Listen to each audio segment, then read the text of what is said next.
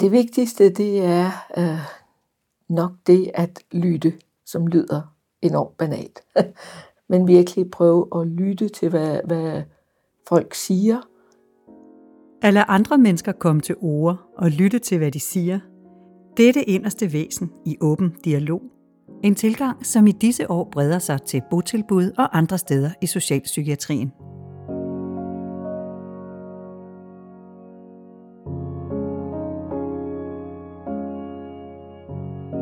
Det her det er ikke noget, der er vigtigt for mennesker med psykiske lidelser. Men jeg tror, at mennesker med psykiske lidelser har oplevet at blive mødt af faglige indsatser, hvor der ikke har været plads til dialog. Altså teorien i det her er jo i virkeligheden, at man kan slet ikke blive til som menneske og finde ud af, hvem man selv er og hvordan man selv har det, hvis ikke der er nogen, man kan være i dialog med om det. Måske synes du, det lyder lidt banalt. Åben dialog har bredt sig fra det nordligste Finland til flere danske kommuner og finder vej til især botilbud for mennesker med sociale og psykiske problemer. Men kan noget så simpelt som at tale sammen hjælpe dem til et bedre liv? Forskningsresultaterne taler deres eget sprog. De har suveræn, suveræn de bedste resultater i verden i forhold til øh, skizofreni. Kan åben dialog også give bedre trivsel, færre konflikter og mindre vold? Det forsøger vi at svare på i denne podcast fra Vold som udtryksform, hvor du kan møde psykolog Olga Runciman og konsulent og tidligere leder Line Top Appeltrup, som begge arbejder med åben dialog. Jeg hedder Bille Stærl, og vi begynder i en kælder på Frederiksberg, hvor psykologen har sin praksis. Jeg hedder Olga Runciman, og jeg er privatpraktiserende psykolog på Frederiksberg. Olga Runciman er ikke bare psykolog. Hun har også en fortid som sygeplejerske i psykiatrien.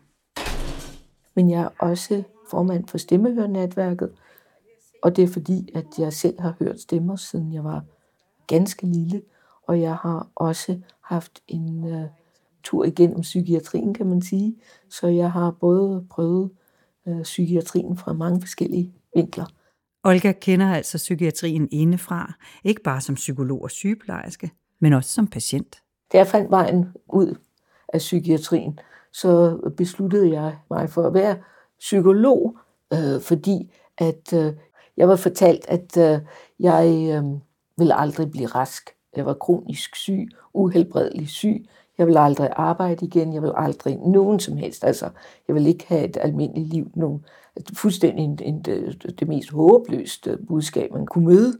Øh, så jeg besluttede mig at være psykolog for alle de såkaldte andre håbløse folk, der har fortalt den samme håbløse historie.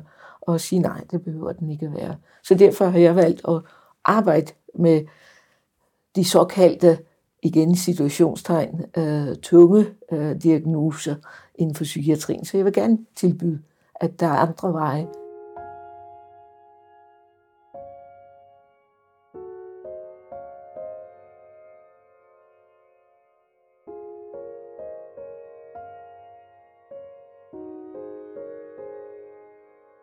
Det er med andre ord en psykolog med dybe faglige og personlige erfaringer fra psykiatrien, der nu slår til lyd for at lytte langt mere til de mennesker, som har brug for hjælp.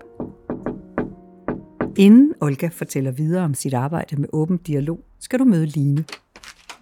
Hej Bille. Hej Line. Kom indenfor. Tak.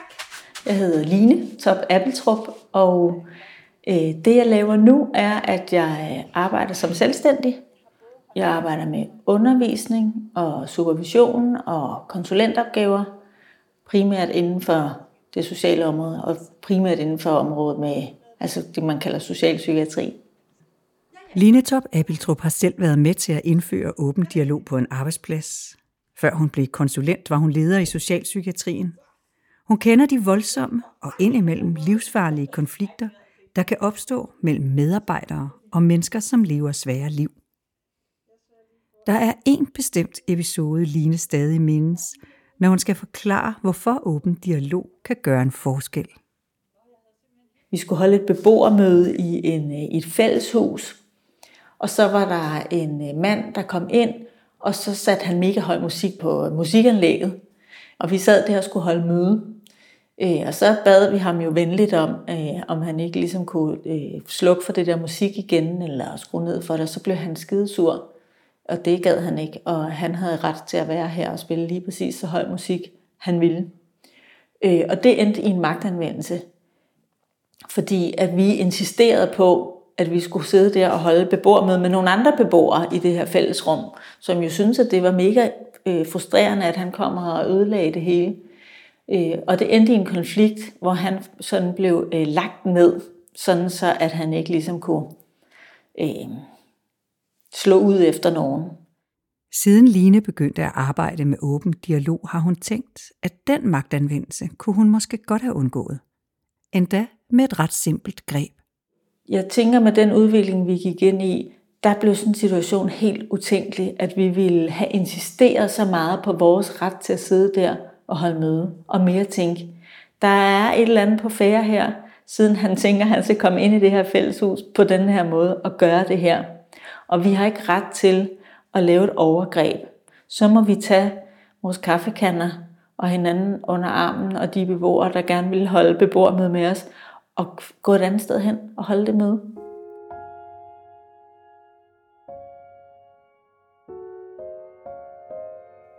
For at forstå åben dialog, skal vi først en tur nordpå til de store skove og de åbne vider i den finske del af Lapland. Her opstod metoden i psykiatrien tilbage i 1980'erne som en alternativ form for behandling. Tanken var, at netværk er en central ressource i vores liv.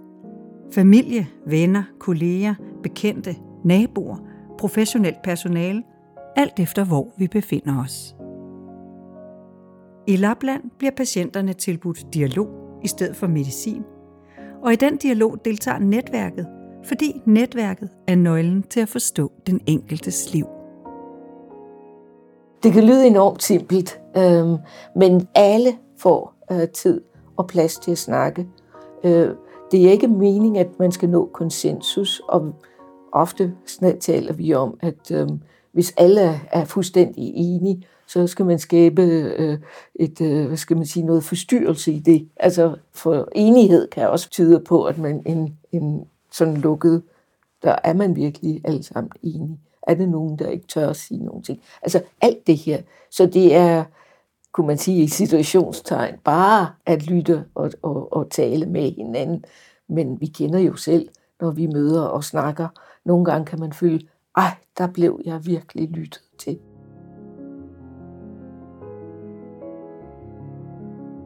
For at kunne lytte, sådan rigtig lytte, er man nødt til at møde den anden med åbenhed og respekt, og, og her bliver det svært for selv de dygtigste fagfolk, uden at medbringe sin egen grydeklare løsning på problemet. Til gengæld ser det ud til, at åben dialog kan noget særligt, fortæller psykolog Olga Runciman. Åben dialog har eksisteret i over 30 år deroppe i den vestlige Lapland, og de har rigtig meget øh, forskning. De har suverænt de bedste resultater, altså vi taler typisk øh, rundregnet tal her, øh, typisk at folk kan komme sig omkring en 20 procent i vores vestlige øh, psykiatri, kan man sige. Øhm, I øh, åben dialog, så taler vi helt op mod 80 procent. Herhjemme viser åben dialog ikke helt så fine resultater som i Finland. Men et dansk studie fra 2019 af, hvordan det gik godt 500 børn og unge over en periode på 10 år, viste, at de unge, som fik åben dialog, havde langt mindre behov for akut psykiatrisk behandling og andre sundhedsydelser. De var også langt mindre arbejdsløse end kontrolgruppen. Men selvom resultaterne herhjemme ikke står mål med de 80 procent, der kommer sig i Finland, giver åben dialog mening i Olga Runsimans praksis. Hvad er det, det kan? Det kan åbne op for alt det, der ikke bliver talt om, for eksempel. Øh, der er mange familier, hvor der er mange ting, der ikke bliver talt om. Øhm, kan jeg bruge et eksempel, det er måske bedre. Jeg har arbejdet med en, en lille familie, hvor der var en, en 8-9-årig pige, øhm, som var begyndt at høre stemmer. Olga Runsiman har brugt tre år på at uddanne sig i åben dialog, oven i sine uddannelser som sygeplejerske og psykolog. Hun bruger åben dialog, når hun møder familier i svære problemer. Som familien med den lille pige, som begyndte at høre stemmer. Pigens onkel hendes mors bror, havde kort for inden begået selvmord. Men det blev sådan nævnt som en, en ting, men, men sådan ikke blev talt særlig meget videre om det. Det begyndte øh, vi, vi at prøve at gå lidt mere i dybden med. Øhm, det viste sig, at pigen troede, at det var hendes skyld, at onklen havde taget sit eget liv. Men det talte hun ikke om for at skåne sin mor, som også var helt knust. I psykologens praksis fik familien langsomt løst op for sorgen gennem åben dialog. Øh, at hun havde ikke brug for de stemmer mere. Altså kunne man sige, det er en helt anden vej at gå, end den vej, hun var på vej til, hvilket var en psykiatrisk vej, som var en sygdomstænkningsvej. Og hvad tænker man i åben dialog? Ja, så, så tænker man, at der er sket noget i folks liv, simpelthen, øh, som kan være så overvældende måske, som øh, man øh, ikke kan, kan finde ud af at tale sammen om i, i det netværk. Og så er det der, vi forsøger at få sat ord på det, og få talt om de, de ting, der er super svære.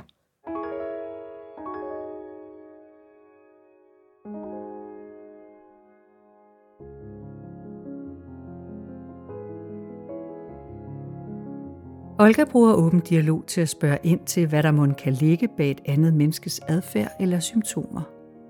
Netop den mulighed forpassede Line i episoden med den vrede mand. Vi kunne ikke måske forstå, hvad han havde gang i. Og måske gjorde han det for at provokere, men så var det jo det, der var vigtigt for ham. Så tænkte hvad han har en grund til, at han synes, han skal ødelægge det her møde. Måske er der noget, han gerne vil sige til os med det. Og det er vi nødt til på en eller anden måde at acceptere.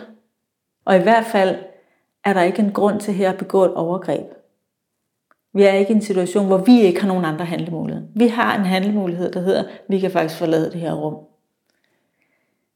Og for mig knytter det sig til den her måde at arbejde på, øh, og den her måde at forstå det, vi skal prøve. Så må, så må vi vende tilbage til ham efterfølgende og sige, hvad var der på færre der, og kan vi kan vi spørge dig om det? Øh, er der et eller andet her, vi kan blive klogere på sammen? Fordi det var en elendig situation, og vi har oplevet det som fuldstændig urimeligt. Det kan man jo sagtens sige. Fra mit synspunkt var det helt urimeligt, at du skulle komme ind og ødelægge det møde, vi prøvede at holde. Hvordan så det ud for dig? Hvad skete der hos dig i den her situation? Og kan vi sammen blive klogere på det, og måske finde andre handlemuligheder? Og netop de andre handlemuligheder finder Line Torp Appeltrup, når hun lytter, rigtig lytter til det, et andet menneske siger. Det åben dialog kan, det er at øh, få fat i den øh, evne igen, som nogle gange kan være druknet lidt i vores faglighed faktisk, eller i alle mulige idéer om, hvad det er, vi skal med det andet menneske, som gør, at vi er mere optaget af vores egen dagsorden, eller det vi tænker er bedst for folk, eller den forståelse vi har, øh, mere end egentlig at lytte og lade, lade det gøre indtryk, det den anden siger. I en travl hverdag er det måske svært at se, hvordan I kan tale jer ud af de voldsomme situationer. Men der ligger mere i det, forklarer Line Top Abeltrup. Åben dialog er en mulighed for at finde et potentiale i konflikten, uden at sætte livet på spil.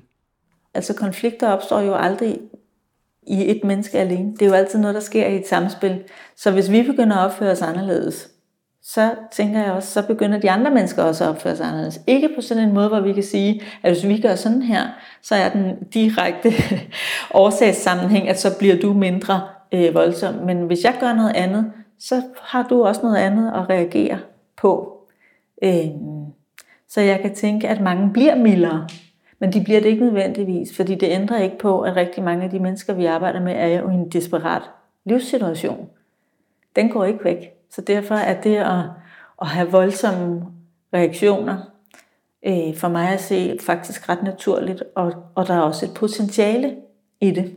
Altså hvor vi måske tidligere har tænkt, det skal vi bare få til at gå væk, og vi skal måske dæmpe det med medicin, eller med regler, eller så må du være i din bolig, så kan du ikke være her, hvis du har det sådan der, og sådan nogle ting. Så, så tænker jeg faktisk også, det er en invitation til at se det voldsomme som noget meningsfuldt. Ikke på en måde, hvor man skal bringe sig selv i fare. Men, men, men at tænke, der hvor der er noget voldsomt, der er også, der er også power. Der er også noget vigtigt på færre. Kan vi interessere os for det, og kunne det faktisk bidrage til noget konstruktivt? Og det tror jeg, det kan, hvis man ikke bare får at vide, du skal lade være med at opføre dig sådan der, men at nogen siger, hvorfor? Jeg tænker, når jeg tænker tilbage på den situation og den mand, så tænker jeg, hvor gad jeg godt vide i dag, hvad, hvad, hvorfor gjorde han det der? Spurgte du ham ikke? Nej, det var der ingen, der spurgte ham om.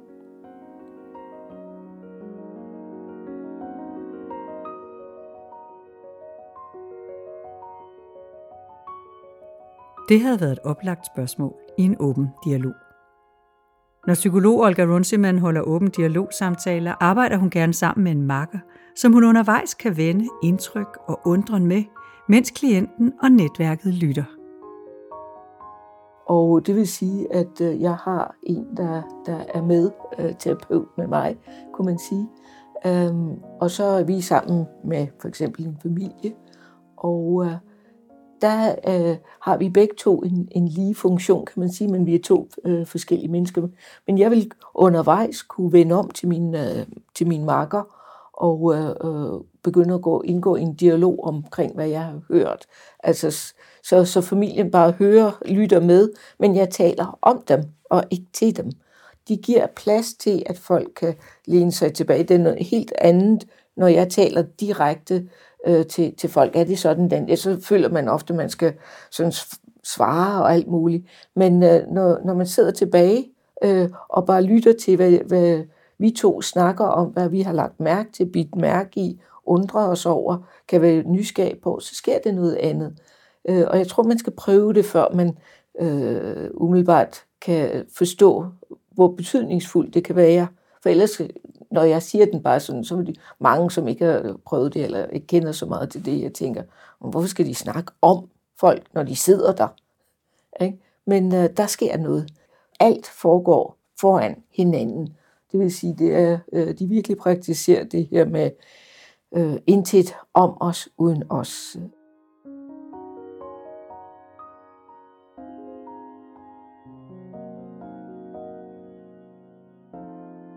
I flere år har fagfolk i socialpsykiatrien været optaget af, om det, de gjorde, kunne måles, om indsatsen virkede. Der er blevet talt om faglighed og dokumentation og evidens.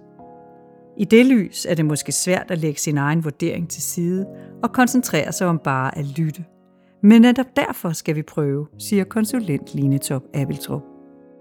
Jeg tror, at hele vores forståelse af, hvad viden og ekspertise og faglighed er, øh, meget udspringer af sådan en øh, naturvidenskabelig tradition, hvor man ligesom prøver at finde ud af præcis, hvordan er sandheden om det her, og hvordan fungerer det, og hvad er årsagssammenhængende.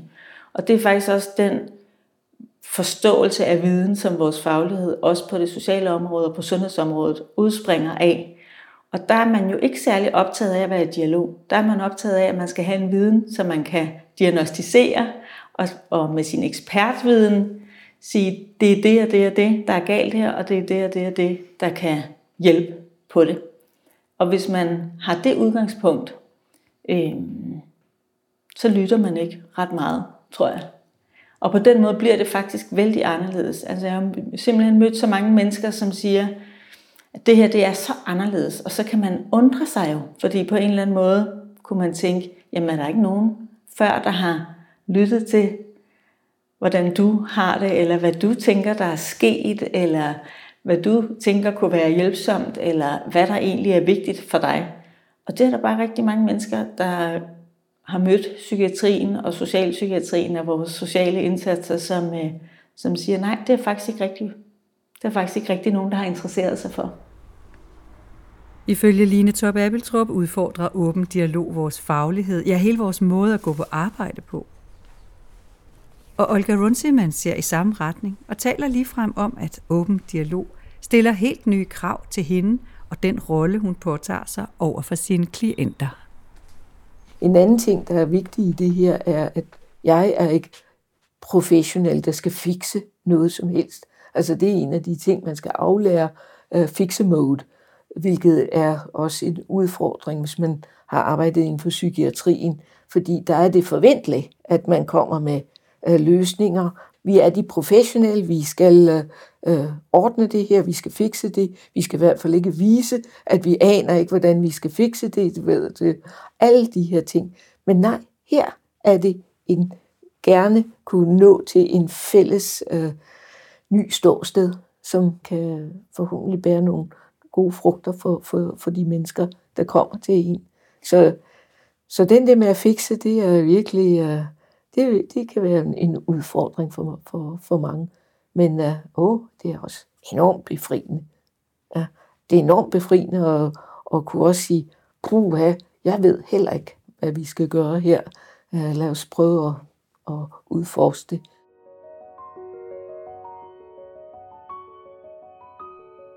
Og lidt i samme toneart ønsker Line sig, at fagfolk begynder at se forskelligt på tingene, i stedet for at søge den løsning, alle kan enes om.